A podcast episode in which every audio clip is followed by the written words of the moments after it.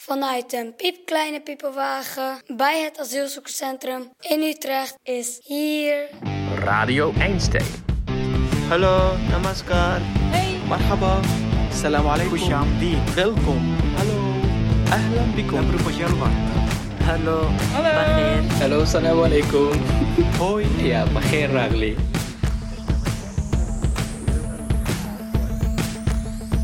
Met vandaag de aflevering Werk.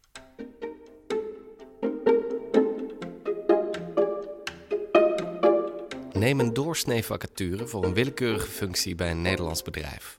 Meestal wordt er een opleiding vereist, de nodige ervaring, hier en daar wat technische vaardigheden. Maar bij de meeste vacatures is dat niet het belangrijkste. Veel uh, vacatureteksten worden die heel erg opgesteld op basis van competenties. Uh, en niet zozeer op technische dingen die je moet kunnen. Dit is Wilma. Ik ben Wilma Rozenboom. Ze heeft in de loop der jaren flink wat vacatureteksten bestudeerd. En sommige vereiste competenties komen wel heel vaak terug. We zoeken uh, doorzetters met flexibiliteit en die willen aanpakken. ondernemerszin.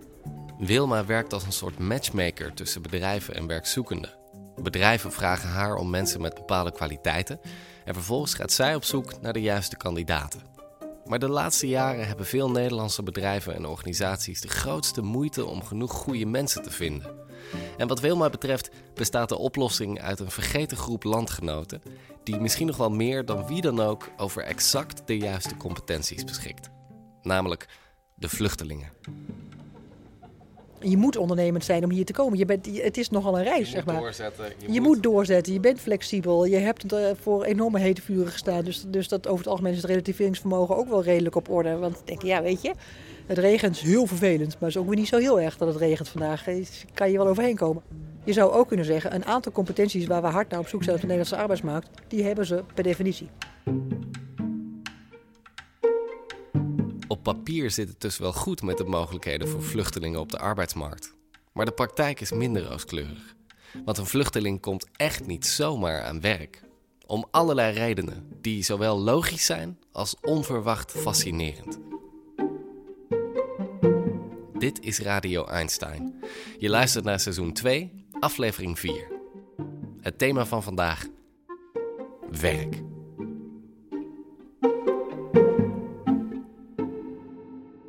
Werk dus.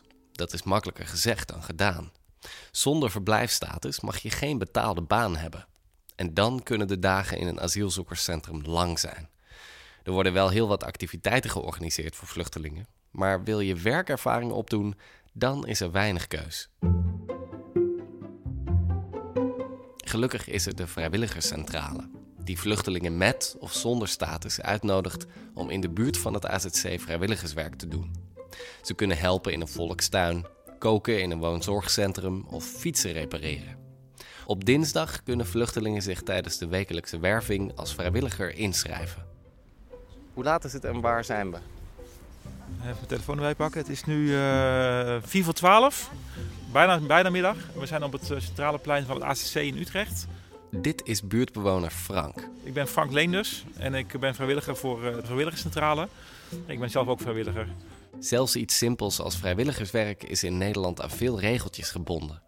Het klinkt laagdrempelig, maar om als vrijwilliger aan de slag te kunnen, moet je de taal spreken, heb je vaak een verklaring omtrent het gedrag nodig en daar moet je dan weer een verblijfsstatus voor hebben. Al die drempels neemt de vrijwilligerscentrale weg. De bewoners mogen zo vaak of zo weinig komen als ze zelf willen. Dus hier zijn ook een aantal vrijwilligers die dan tolken, die dan helpen met uh, Arabisch vertalen. Want hoe goed is jouw Arabisch? Ik ken zes woorden of zo, dus dat valt dus een beetje tegen nog. Ik ontmoet Dunja, een vrouw uit Iran, die als tolk werkt voor de bewoners die Farsi spreken. Al zou ze liever meer doen. Ik wil iets doen, maar als ik niet iets doe en alleen praten, mijn gevoel is niet goed hoor. Er kunnen heel wat redenen zijn om als asielzoeker vrijwilligerswerk te willen doen. Om bezig te blijven, om de taal te leren, om mensen te ontmoeten. En sommige mensen hopen dat het een opstapje is naar een betaalde baan. Zo sprak Dunja net een architect uit Iran die dolgraag hier zijn vak zou willen blijven uitoefenen. Hij wil gewoon vrijwilliger nu werken tot kijken wat gebeurt. Ja. niet wil met eh, betaling of zo. Ja, Dus- ja, ja. De- wil kennis maken, kijken wat is het verschil tussen Iran en hier. Maar eh, bij ons, bij onze project, Is Kan geen, niet. is geen architectenwerk. nee, nee. Dat En je woont al lang in Nederland. Ja, eh, elf jaar en half of zoiets. Ja. Dus jij bent een klein beetje Nederlands. Maar mij voel nog ik, steeds, ik ben gast. En daar kunnen wij, wij, ik, kan daar niet zo heel veel van begrijpen, van voelen.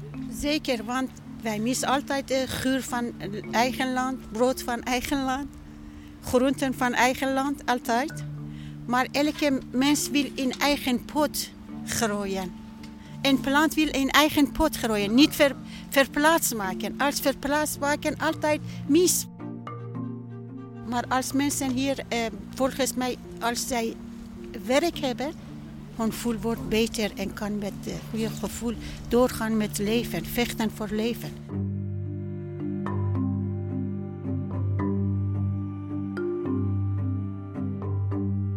Even later ontmoeten we de immer positieve Ahmed. Dag, hoe is het? Goed, Wat is dat? dit is mijn microfoon. Die vier jaar geleden vanuit Syrië naar Nederland vluchtte. Ik hou van talen en ik hou van Nederlands. Ja. En ik hou van Nederlands mensen ook. Ahmed droomt van een betaalde baan. Maar vooralsnog komt hij niet verder dan vrijwilligerswerk. Bij het leger des Heils en bij de vrijwilligerscentrale. Als tolk Arabisch. Wat betekent eh, werk voor jou? Werk is alles. is mijn eh, identity. Ik kan niet eh, staan altijd in thuis met lawaai, met de vrouw of met kinderen. Moet je gaan naar uh, buiten en werken en eh, verdienen geld. En kom terug naar huis. Ahmed verbaast zich over de Nederlandse werkweek. In Syrië bijvoorbeeld, ik heb gewerkt bijna 12 uur per dag. Nog, eh, sommige keren 14 uur per dag. Maar hier alleen 6 of 7 of 8. Part-time of eh fulltime. Heel veel keus. Ja. Dus Sommige keren in Syrië, ik eh, had werk eh, 160 uur per 10 dagen. Altijd ben jij, jij bent moe. In Syrië had Ahmed zijn eigen bedrijf. Hij verkocht medicijnen aan de apothekers. Maar de, door de oorlog, alles gaat weg. Hier hetzelfde werk doen zit er helaas niet in. Omdat is de, de taal is echt moeilijk voor de medicijnen. Het is echt lang geworden. Ik kan niet onthouden. Moet hier opleiding doen voor eh apotheker. En daarna moet ik studie bijna negen jaar. Ben ik nu eh 50 jaar. Alles ga naar opleiding doen. Misschien op 60 jaar. bijna klaar met leven. Dan kun je, met, dan kun je met pensioen en dan ben je eindelijk klaar. ja, klopt. In Nederland heeft Ahmed een nieuwe droom. En je wil een eigen restaurant beginnen. Ja, ik hoop dat. Want je bent chef. Ja, is mijn profession- ik ben een professioneel met koken. Ik heb gekocht bijna voor twee of 3000 mensen hier. Alle mensen eten van ons eten, als hij zeggen, altijd is echt mooi. ja, Mooi eten. mooi eten, ja. Mooi in de buik. Ja, op de klopt. tong. mooi, mooi en alles.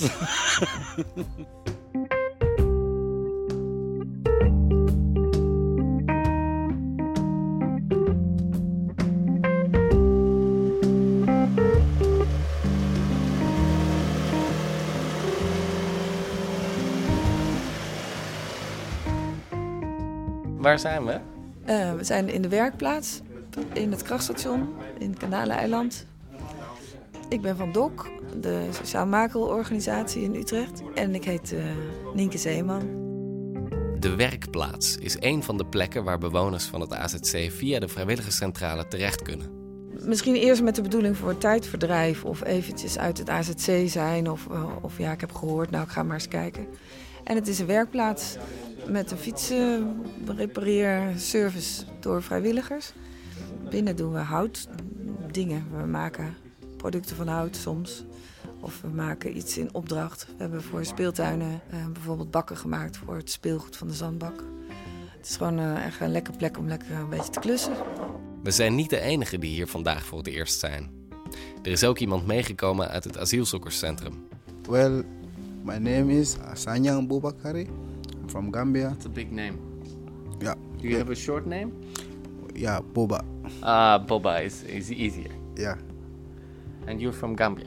So, yeah, I'm from Gambia and I also live in Assesek, Utrecht. And then today is my first time to come here. Bobba draagt een groene hoodie met zijn capuchon over een zwarte muts heen getrokken. Hij ziet er op het eerste gezicht een stuk stoerder uit dan hij daadwerkelijk is. Het is een beleefde jongen, die vooral heel blij lijkt om hier te zijn. People are unique, people are so nice. And I love to be here and for sure I will come here again and again if I have time. It's like we're teaching each other, we exchanging our knowledge to each other. This is very important. Teaching each other. Dat is wat Nienke hoopt voor de werkplaats. Dan hoop ik dat dit nog meer een plek kan worden waar mensen ook gewoon werk kunnen oefenen, zeg maar. En vaardigheden opdoen. Het is niet dat je hierna nou meteen eh, als geschoolde timmerman eh, de, de arbeidsmarkt opgaat of zo. Nee, nee, daar gaan nog een paar stapjes tussen. Ja. ja. Een van de vaste medewerkers van de werkplaats is Hilal, een Irakese timmerman van 52 jaar. Mijn naam is Hilal.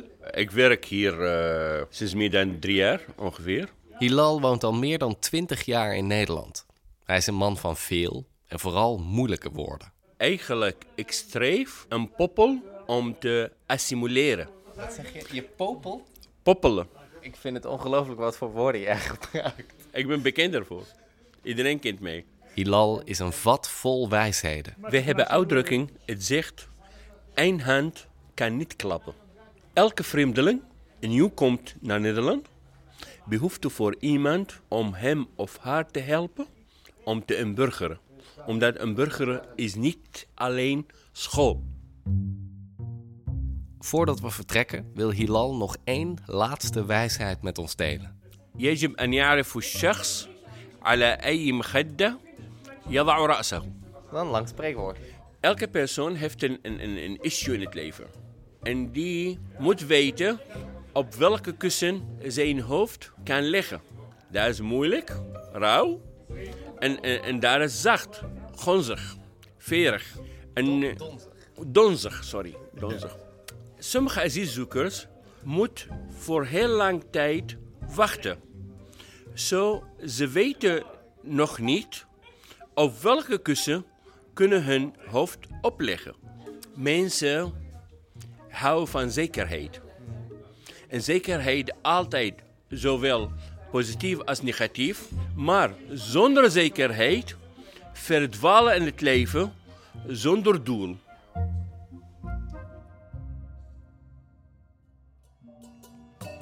Vandaag in broodkruimels naar huis. Maria. Maria heeft een goede baan. Ze is manager bij een groot internationaal maritiem bedrijf in Algiers, de hoofdstad van Algerije. I was working with the European, with people from uh, Asia, Middle East, uh, Far East, uh, the United States, and um, North Africa. Ze geeft leiding aan een groot team. Ze heeft een assistente en een auto met een eigen chauffeur. Een chauffeur die haar overal naartoe rijdt waarheen ze maar wil. Nou ja, op zijn voorwaarden dan. Ze blijft wel een vrouw en ze hoeft hem echt niet te vertellen wat hij moet doen. Dus komt hij vaak te laat of gewoon helemaal niet. He said, uh, "Don't give me order, huh? I'm not working for you. Yeah, you are working for me." You know, he's Algerian. He's a man, and uh, he has not good education. So for him, a woman uh, should be should stay at home. Als er problemen zijn op de vrachtschepen, bellen haar klanten vaak haar baas. Ook al heeft ze 15 jaar ervaring. Want wat weet een vrouw nou van containers en schepen? Maar haar baas antwoordt stevast: Daarvoor moet je bij Maria zijn. En daar is ze best een beetje trots op. Dat was vijf jaar geleden. Die goede baan heeft ze ver achter zich moeten laten toen ze uit Algerije vluchtte. En dat vinden sommige mensen maar moeilijk te begrijpen. Why did you leave your country? Yeah, we, we like our countries. I like too much Algeria. En nu woont ze hier in het AZC in Utrecht. Suddenly, you know, it's a big, big shock. Suddenly, you have nothing. You are nothing. You are just a number. Het leven in het asielzoekerscentrum valt haar zwaar. I was a little shocked because, uh, yeah, it looks like I don't want to say prison. It is not the case, but my first uh, feeling when I uh, went to the, as it, it was like this. Maria voelt zich vooral erg alleen. De Syriërs praten vooral met de Syriërs. De Irakezen met de Irakezen. De Eritreërs met de Eritreërs. You can find the little Somalia, little uh, Africa, Syria, Iraq, uh, Afghanistan, Iran. Ze komt bijna geen mensen tegen uit Algerije. And this is a problem also because I always found myself alone. Ze heeft geen status. En dat betekent dat ze geen betaald werk mag doen. Terwijl werk juist zo belangrijk voor haar is. For me now, work mean being alive, being active like everyone. Yeah, when you don't work for five years, you are a woman and you are you have no status. You are still refugee, moving from one place. You have nothing, no job. So, yeah, you will not consider yourself like positively, you know. Daarom werkt Maria nu als vrijwilliger in een verzorgingstehuis. Daar kookt ze voor ouderen met Alzheimer. They they just need someone, uh, people around, be happy, nice, smiling to them, helping them. Yeah, behaving uh, with humanity, you know, not just professionally. Het werk staat in groot contrast met haar oude werk, maar het houdt haar bezig. Maria weet dat die oude mensen haar al lang vergeten zijn zodra ze de deur uitstapt. Maar het voelt goed om nodig te zijn. Ook al is het maar voor even. I take pleasure to to do something for someone without waiting anything in exchange. You know, not waiting uh, thanks or uh, uh, money or uh, no, no, no, no, no, no. Just helping. Soms voelt haar oude baan niet als een herinnering, maar als een droom die langzaam wegvaagt. Ze deed ooit regelmatig zaken met de haven van Rotterdam. En nu woont ze er vlakbij. Maar die wereld lijkt nu verder weg dan ooit. Sometimes when I remember things, how I was working, how I was driving also, and uh, it is like a dream. Sometimes I have to uh, wake up.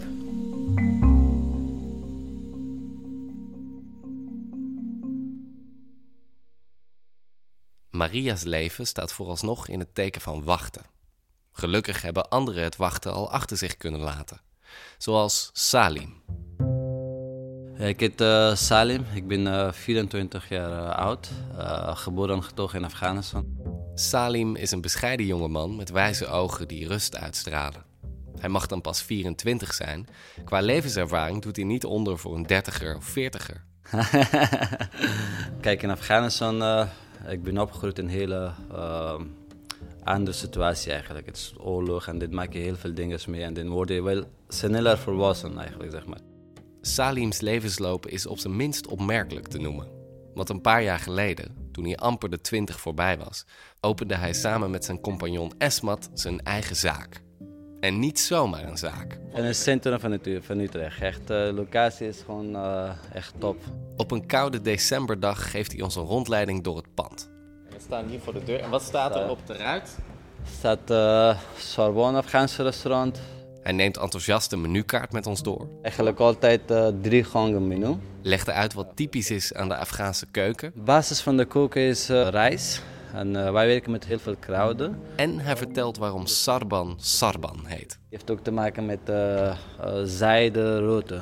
Mensen vroeger gingen met kamelen, die komen uit Azië naar Europa met kamelen. En die leider van die caravan was Sarban. En daarom hebben we ook die naam gekozen. We dalen een brede wenteltrap af, want Sarban is gelegen in een werfkelder. Ah, kijk. Binnen is het sfeervol, knus zelfs. Dat ligt aan de kleuren, zegt Salim. Lichte kleuren wordt meestal gebruikt in hele warme landen, maar Afghanistan kan je niet hele warme landen noemen. En waar ik vandaan kom, dat is noorden en het, in de winter is het echt kouder dan Nederland. Dus het is eigenlijk, daar hebben we ook meer donker kleuren en een donker van binnen. En daarom kun je in Nederland ook volhouden? Dat gelukkig wel. Als ik van het uh, zuiden van Afghanistan was gekomen, dan was het moeilijk geweest. dat was uh, elke keer met dikke jas, en, uh, maar nu is het, daar heb ik geen last van koude. Nee, nee, dat is... ja, ja. Acht jaar geleden kwam Salim in zijn eentje als alleenstaande minderjarige asielzoeker naar Nederland. In de jaren daarvoor had hij van heel dichtbij de oorlog meegemaakt. Ik zag echt dingen dat het echt helemaal niet oké is eigenlijk. Heel veel jaren was het niet veilig om naar de school te gaan. Er zijn ook bijna tien keer verhuisd. Meer dan tien keer van noorden naar zuiden, van zuiden naar centraal, naar Kabul, naar hoofdstad. Maar de laatste jaren het werd te gevaarlijk.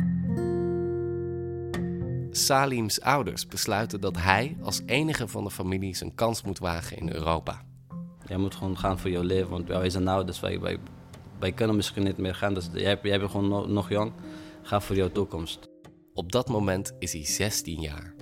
Jong genoeg om ergens een nieuw leven op te bouwen en oud genoeg om het alleen te redden. Ja, zo ben ik hier gekomen naar Nederland eigenlijk. Het eerste wat ik eigenlijk wou, gewoon een, gewoon een normale leven, niks anders. Maar een normaal leven heeft hij niet. Ik had echt tijden gehad dat ik dacht, uh, ik bereik niks hier. Want ik kreeg uh, telkens brief van IND dat ik moet uh, Nederland verlaten, terug naar Afghanistan gaan. Dan word je echt gek. Dan zit je gewoon in jouw kamertje met een hele onzekerheid. Dan denk je, oké, wat? Ik hoef de taal niet meer te leren. Ik hoef de normen en waarden niet meer, te leren. En ik, ik, ik, ik, wil gewoon niks. Ik wil gewoon in mijn kamertje. Maar dat heeft geen zin. Geen zin. Want dat is een hele moeilijke tijd, onzekere tijd. Misschien word je teruggestuurd. Maar op die tijd heb ik uh, familie Alizada ontmoet. De familie Alizada is een familie in Tilburg die net als Salim uit Afghanistan komt. Ze runnen een familierestaurant en laten Salim wat ervaring opdoen als afwasser. Uh, dat vond ik ook niet leuk in het begin. Ik dacht, pff, ja, zoveel moeilijk en moet ik nog gaan afwassen. Wat is dat voor leven? dat, dat, dat is uh, en ook een stage, dat noem ik, dat noem ik toen gratis werk. En, ja, waarom zou ik het doen eigenlijk? Maar Salim heeft weinig opties. Hij heeft nog altijd geen verblijfsvergunning, dus hij mag blij zijn dat hij even van de straat is. De eerste twee, drie dagen gingen ze mij gewoon laten in de koken. Gewoon dat ik ging lekker moe worden, lekker afwassen. Na de derde dag gingen zij op tafel zitten. Ze gingen, okay, wat is jouw probleem eigenlijk? Wat heb je allemaal meegemaakt? Salim vertelt de familie zijn verhaal. Ze luisteren naar wat hij te vertellen heeft en beloven hem te helpen. Toen begon ik een beetje te beseffen, oké, okay, nou heb ik echt uh, mensen om mij heen. Nou, nou sta ik niet alleen eigenlijk. Het is niet de eerste keer dat mensen er voor hem zijn. Maar dit keer is het anders. Als iemand tegen jou zegt, komt alles goed? Dan zeg je, ja, je hebt alles, weet je. Dat, ja, zegt docenten op school, dan zegt begeleiders en dan zegt, uh, weet ik veel, alle vrienden van mij. Dan komt er niet goed binnen. Maar iemand die heeft het allemaal meegemaakt, net als die familie. Dus zijn we ook gevlogen uit Afghanistan, ze hebben zelf dat meegemaakt en uiteindelijk is het weer goed gekomen. Dat was het grootste verschil voor mij. Toen kreeg ik zo'n kracht van binnen. Ik dacht, oké, nou is het niet alleen, nou komt het allemaal goed. Als het bij andere mensen goed komt, dan komt het ook bij mij goed. Zo is de familie Alizada de engel die Salim nodig heeft om zijn leven weer op de rails te krijgen.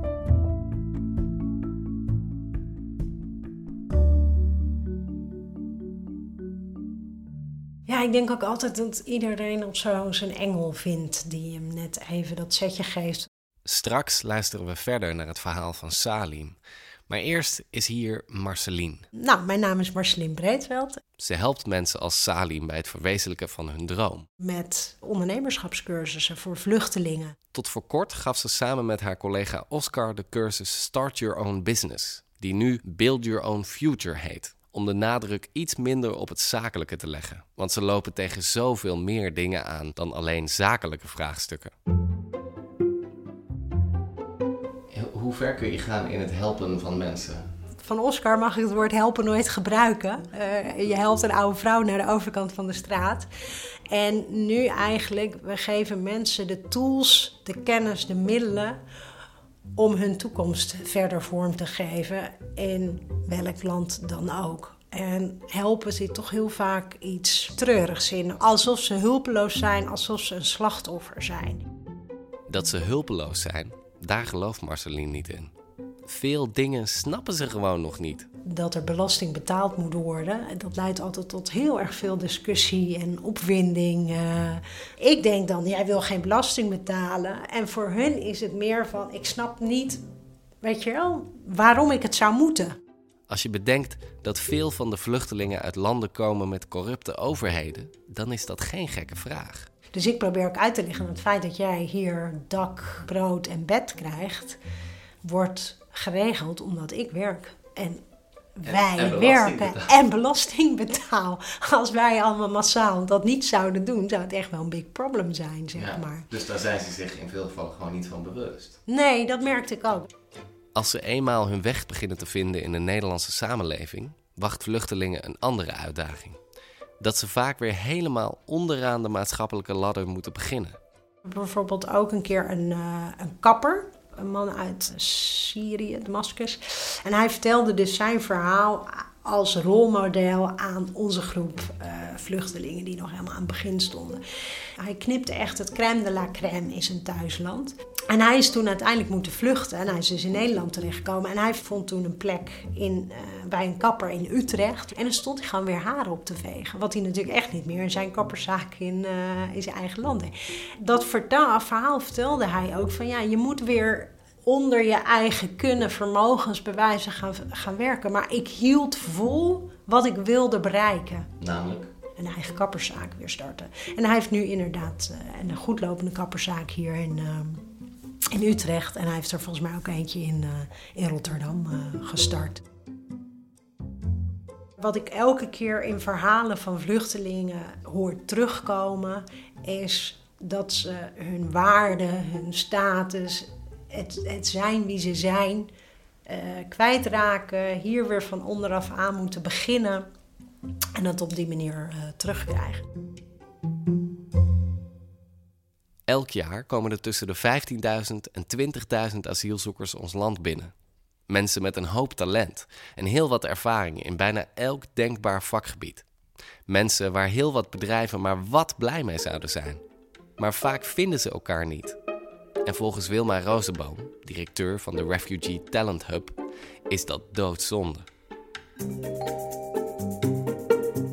Mensen willen erbij horen, ze willen zichzelf nuttig maken. Ze willen, eh, ik hoorde de laatste vluchteling zeggen, ik wil gewoon belasting betalen. Laat mij, laat mij meedoen. Je bent weliswaar misschien vluchteling, maar je bent ook professional. Je bent ook vader of moeder, je bent ook dochter of zoon. Je, bent, je hebt zoveel verschillende rollen.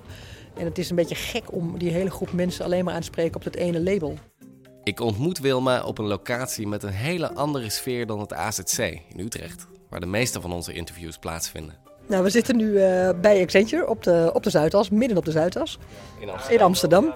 Het AZC en de Zuidas voelen als twee totaal verschillende werelden. Dat is ook zo. Maar tegelijkertijd is het ook natuurlijk helemaal niet zo. Eh, ook alle mannen die hier nu in het eh, strakke pak langskomen lopen, eh, hebben heel veel verschillende rollen en zijn uiteindelijk gewoon betrokken bij de omgeving om, om hen heen. En kennen ook vluchtelingen. En dat geldt ook voor de mensen in het AZC als zij wellicht toe zijn aan werk. Rond die filosofie, dat vluchtelingen er gewoon bij horen, is in 2016 de Refugee Talent Hub opgericht. Die onder meer meet and greets organiseert tussen Nederlandse bedrijven en vluchtelingen. En die gaan er soms een beetje ongemakkelijk aan toe. Er kwam er iemand naar me toe gelopen en die zei: ehm, Kan ik er gewoon eh, naar ze toe lopen? Ja, dat, is best een goed idee. Je kan natuurlijk gewoon met mensen in gesprek gaan. Maar dat binnen de kortste keren gaan mensen eh, over, eh, over het vak hebben. En wat je ziet is dat die twee werelden komen bij zo'n meet and greet komen die bij elkaar. Ik zie echt heel vaak ter plekke gebeuren dat er luikjes omvallen in hoofden van mensen. Wilma droomt van een wereld waarin alle luikjes zijn omgevallen. Maar die wereld is er nog niet. Als je als vluchteling probeert aan een, aan een baan te komen, dan als je de reguliere HR-procedures zou volgen, dan eh, rollen al deze mensen van de stapel af of belanden ze onderop de stapel cv's eigenlijk. Want? Omdat hele suffe dingen, hele logische dingen. Bijvoorbeeld, eh, mensen hebben vrijwel allemaal uiteraard een gat op hun cv, want ze waren op de vlucht. Dan val je er eigenlijk al bijna tussenuit als er een onverklaarbaar gat staat op je cv van een aantal jaren. Nou, dat is, die is super verklaarbaar natuurlijk voor vluchtelingen. Maar goed, moet je wel even verklaren. Dat is één ding. Dat is één ding. Tweede is, cv's zijn lang niet altijd opgesteld op de manier die wij eh, normaal vinden in Nederland, die wij gangbaar eh, achten. Het is natuurlijk heel cultureel afhankelijk of mensen heel opschepperig zijn op hun cv of heel erg downplayen wat ze, wat ze doen. Nou ja, bijvoorbeeld, ik was een tijdje geleden bij een eh, bijeenkomst bij Arcadis. eh, en daar eh, raakte iemand van Arcadis eh, in gesprek met een van de vluchtelingen. En pas ergens eh, eh, na tien minuten of zo eh, vertelde die jongen dat hij verantwoordelijk was geweest voor de bouw van een van de hoogste gebouwen in Afghanistan. En toen zei die kerel van Arcadis, maar dat staat niet op je cv. En toen zei de jongen, nee, maar dat vertel ik je toch nu? maar ja, maar het zit ook bijvoorbeeld in dat er in een sollicitatiegesprek gevraagd wordt... wat zijn je hobby's of wat doe je buiten werktijd? Er was ook laatst iemand die... Of er stilte? Totale, ja, die had totale kortsluiting in zijn hoofd. Die dacht, mijn hobby's. Eh, nu ben ik een soort van geland in Nederland. Ik weet eindelijk waar ik woon. Ik kan nu gaan bouwen aan mijn toekomst. Ik zit hier op een sollicitatiegesprek. Ik wil een baan. Ik wil gewoon aan het werk. En wat vraagt hij? Wat zijn je hobby's? En, en zegt dit iets over de Nederlandse verhouding met werk? Ja, misschien wel. Het is natuurlijk ook zo dat de sollicitant die wil gaan werken in Nederland. Dus die moet zich natuurlijk ook aanpassen aan de Nederlandse mores. Maar er zit ook wel iets aan de werkgeverskant dat je in ieder geval soms de vraagtekens, een groot vraagteken boven het hoofd van een sollicitant kan proberen te begrijpen, zeg maar. Dat je ook daar een soort van nieuwsgierigheid hebt. Maar ja, ik spreek heel vaak vluchtelingen die zeggen: doe mij een baan. Gewoon een baan die betaalt. En dat ik gewoon dat ik daar dat ik geld verdien, dat ik rust heb, dat ik ritme heb, dat ik mijn gezin kan onderhouden. Punt. En daar zit achter vaak: ik wil gewoon meedoen, man. Neem het serieus. De Refugee Talent Hub probeert een brug te zijn tussen werkgevers en vluchtelingen. En hoe moeizaam dat soms ook is, er zijn wel degelijk succesverhalen. Dat je om de zoveel tijd een mailtje krijgt van iemand die zegt: Nou ja, ik, ik zit er gewoon. Ik heb gewoon, een ik heb gewoon een baan. En ik ben, ik, ik ben er weer. Dat, is, dat vind ik echt, dat is echt fantastisch, ja.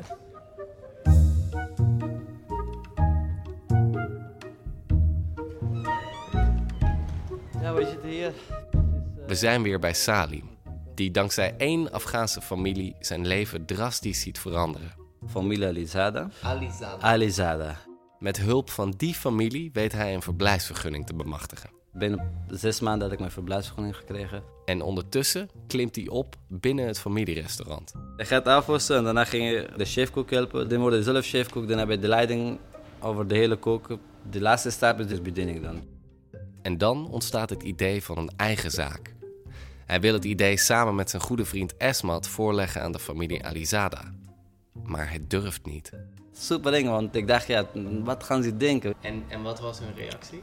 De reactie was eigenlijk, eh dus zeg, ik vind het echt heel, heel mooi en heel tof dat jullie dat willen. Maar als jullie willen eigen restaurant hebben of eigen zaak hebben, dan moeten jullie heel goed weten dat het heel veel grote ver- verantwoordelijkheid is. En ik weet ook heel goed dat eh Wally heeft tegen mij gezegd dat eh, als je eigen restaurant hebt, dan mag je ook niet ziek worden. Dat zegt hij echt waar. Inmiddels bestaat Sarban 2,5 jaar. Volgens de filosofie dat als je elkaar vasthoudt, Dan valt er niemand. Als iedereen kan een beetje helpen, dan is het echt een wauwe wereld. Salim is trots op zijn restaurant. Maar het meest trots is hij op de mensen die hij aanneemt. Dat zijn vaak vluchtelingen uit Afghanistan of Syrië, die net als hij alleen naar Nederland zijn gekomen en maar wat blij mogen zijn met een stagecontract. De eerste dag moet je hem niet gelijk een verantwoordelijkheid geven. De eerste dag, wat, wat willen wij doen? Hem gewoon goed moe maken. Weet je, gewoon laten afwassen. Laten gewoon de eerste twee, drie dagen dat hij gaat gewoon lekker slapen. En dan op de tweede, derde dag ga je op tafel zitten. Dan is het, eh, dat werkt echt goed, geloof mij. Spreek je ook een beetje Nederlands? Ja, een klein beetje. Klein beetje. Even later stappen we nog even de keuken binnen, waar een Afghaanse jongen hard aan het werk is. En jij bent eigenlijk de baas van de keuken. Ja, ik ben chef in de cooking, ja. En als je s'avonds thuis komt, hoe voel je je dan? Ik voel, ik voel oké. is, eh, Moe? Nee, nee, ik ben nooit moe. En, en eh, hoe, hoe is het om hier te werken? Het is goed, ik, ik ben blij, ik werk hier. Ik voel, ik, jullie zijn mijn familie. Nou, normaal gesproken, eh, ja, die jongens zitten gewoon letterlijk 24 uur lang thuis. En Te wachten te wachten en dan, dan heb je, als je niks te doen hebt, dan automatisch ga je nadenken. Dan automatisch eh dan denk je aan je problemen. Als je lekker bezig bent en dan komen ze naar huis en dan zijn ze helemaal moe, dan gaan ze lekker slapen. En daarom is het eigenlijk weer super belangrijk voor, voor, voor, dit, voor dit soort jongeren.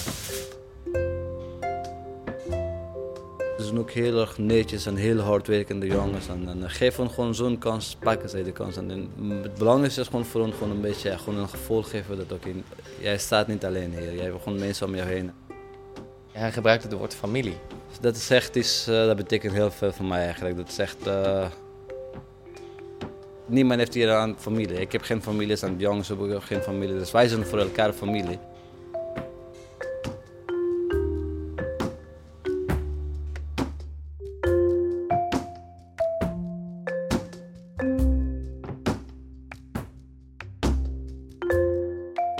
Radio Einstein is een initiatief van Stuk Theater en theatergroep Vreemde Vis en wordt mede mogelijk gemaakt door de gemeente Utrecht en het ZOZ-fonds.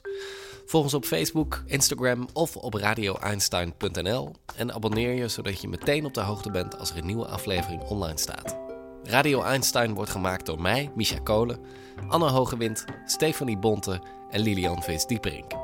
Met dank aan Wilma van de Refugee Talent Hub, Frank, Ahmed en Julia van de Vrijwilligerscentrale, Nienke en Hilal van Stichting Doc, Bobba, Marceline en Oscar van Build Your Own Future, Ron van Lente, Plan Einstein en Salim van restaurant Sarban.